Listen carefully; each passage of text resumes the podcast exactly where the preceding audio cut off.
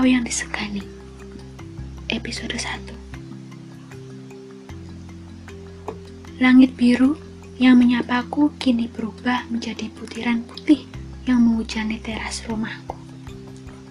Ya, musim dingin telah tiba. Hmm, musim dingin sudah tiba.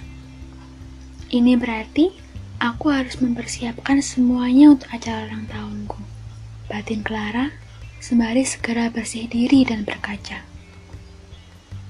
Saat sedang asik bersolek, Clara ingat bahwa salah satu temannya, Kevin, memiliki tanggal ulang tahun yang sama dengannya. Oh, aku ingat. Kevin tidak pernah merayakan ulang tahunnya, kan? Hmm, Bagaimana jika aku mengajaknya? Namun, bagaimana caranya? Batin Clara yang sadar bahwa Kevin adalah laki-laki yang tidak menyenangkan. Clara dan Kevin memanglah dua kepribadian yang berbeda. Clara dikenal sebagai perempuan yang sabar, baik hati, ramah, dan selalu berpenampilan sederhana. Hal itu tentu berbeda dengan Kevin yang memiliki kepribadian yang egois, pendiam, mudah marah, dan selalu berpenampilan gaul.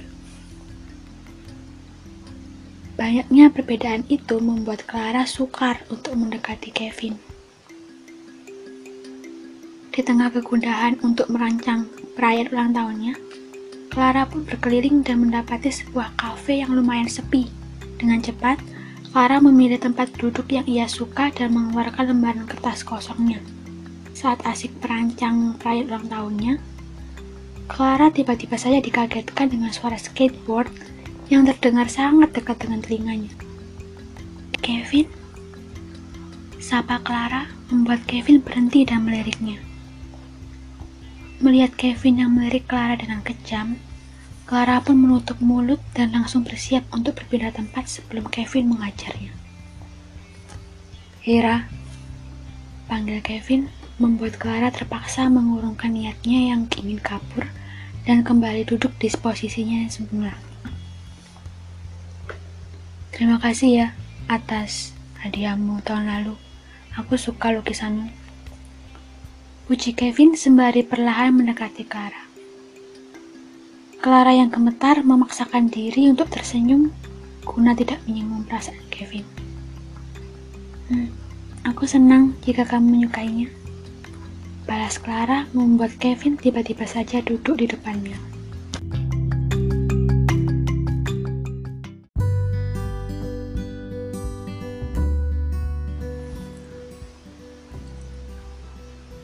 Pengacau yang disegani episode 2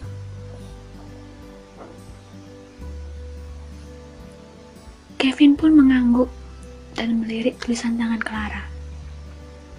Clara pun tidak menutupi hasil tangannya itu dan berniat untuk mengajaknya jika ia mau. Kamu ingin merayakan ulang tahun di mana?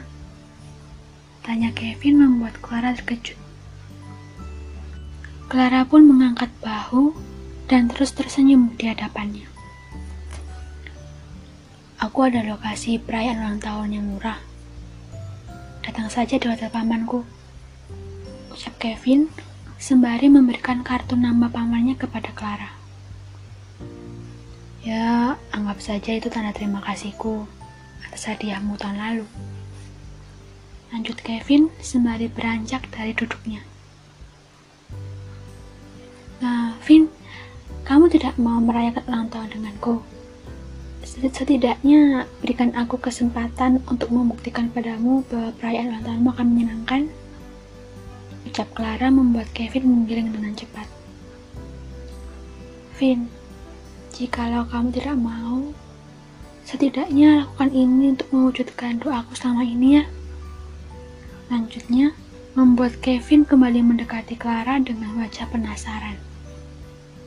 Doa? Tanyanya membuat Clara mengangguk. Aku ingin sekali merayakan hari ulang tahun ini bersamamu. Aku ingin kamu melepaskan semua kedengkian di dalam hatimu. Kamu adalah mawar yang berduri. Perkenankanlah aku untuk membersihkan duri-duri yang melekat di tubuhmu, Vin. Setelah aku melakukannya, aku akan berjanji. Aku tidak akan memaksa dan mengganggumu lagi. Ucap Clara membuat Kevin berpikir keras. Setelah beberapa menit berlalu, Kevin pun mengangguk. Baiklah, telepon aku jika kamu memerlukan sesuatu. Ucap Kevin sembari pergi dari hadapan Clara. Clara pun tersenyum. Sepanjang hari, Clara selalu menghabiskan waktu dengan Kevin. Karena kedekatan itu, mereka pun kini menjadi sahabat. Hubungan mereka pun terus berkembang seiring dengan berjalannya waktu, sampai pada akhirnya tiba di hari ulang tahun mereka. Melihat banyak teman-teman Clara yang mulai kesinis ke arah Kevin, membuat Clara mengecohkan teman-temannya itu dengan musik yang ia nyalakan. Setelah musik itu menyala, semua teman-teman Clara langsung masuk ke aula itu dengan wajah yang sangat bahagia. Selama acara berlangsung, semua terlihat lancar dan sukses.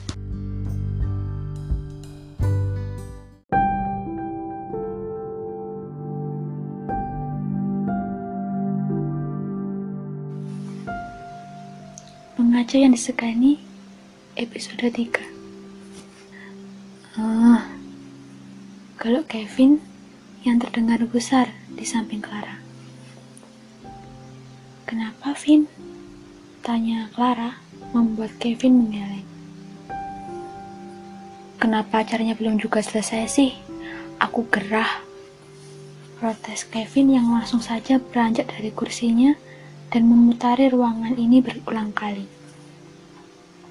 Vin, aku tahu di balik semua sikap dinginmu itu, kamu sedang menyembunyikan sesuatu. Mengapa tiba-tiba sekolah kita masuk televisi? Aku bahkan tidak mendapatkan informasi apa pun dari kepala sekolah. Ucap Clara membuat Kevin terlihat sangat panik. Kamu harus jujur, Vin. Aku bukanlah orang asing lagi di hadapanmu. Lanjut Clara membuat Kevin menyerah dan duduk di hadapannya. Tolong Ra, aku tidak ingin mereka tahu. Berjanjilah padaku. Balas Kevin sembari menunjukkan jari kelingkingnya. Clara pun langsung mengaitkan jari kelingkingnya itu dengan kelingking Kevin. Kamu tahu, riwayatku selama berada di sekolah aku adalah anak yang nakal. Bahkan, istilah troublemaker pantas diajukan kepadaku. Aku selalu bolos, tidak lulus ujian, jadi langganan BK, suka berkelahi, minum, dan hal-hal buruk lainnya. Bagaimana bisa aku tiba-tiba memamerkan bahwa aku berhasil membanggakan sekolah dengan kejuaraanku bermain skateboard. Ucap Kevin membuat Clara terkejut. Kini, aku dihadapkan dengan dua pilihan. Pertama, aku menunjukkan keberhasilanku yang kelak akan menjadi batu sandunganku sendiri, atau kedua, aku akan diam dan membiarkan mereka tetap membenciku. Dan aku pun memilih pilihan kedua itu untuk kebahagiaanku sendiri. Kamu tidak perlu membela aku jika aku dibenci. Aku kini sudah bahagia karena memiliki satu teman yang menerima aku apa. Ucap Kevin yang terlihat berkaca-kaca. Clara pun mendekatinya dan mengacungkan jempol padanya. Kamu benar-benar lagi hebat, Vin. Aku tidak akan pernah membencimu. Ucap Clara membuat Kevin tersenyum untuk yang pertama kalinya. Sejak saat itu, Clara dan Kevin semakin dekat. Di setiap ulang tahun, Clara dan Kevin selalu menggelar pesta bersama. Melihat Kevin yang lambat laun terlihat ramah karena pengaruh Clara, membuat banyak teman-teman yang mau mengajaknya pergi. benar-benar akhir yang bahagia untuk Clara. Tidak ada manusia sempurna dalam hidup ini. Janganlah pernah menilai orang dari keburukannya, tapi dekatilah dan temukan apa yang ada di dalam hatinya.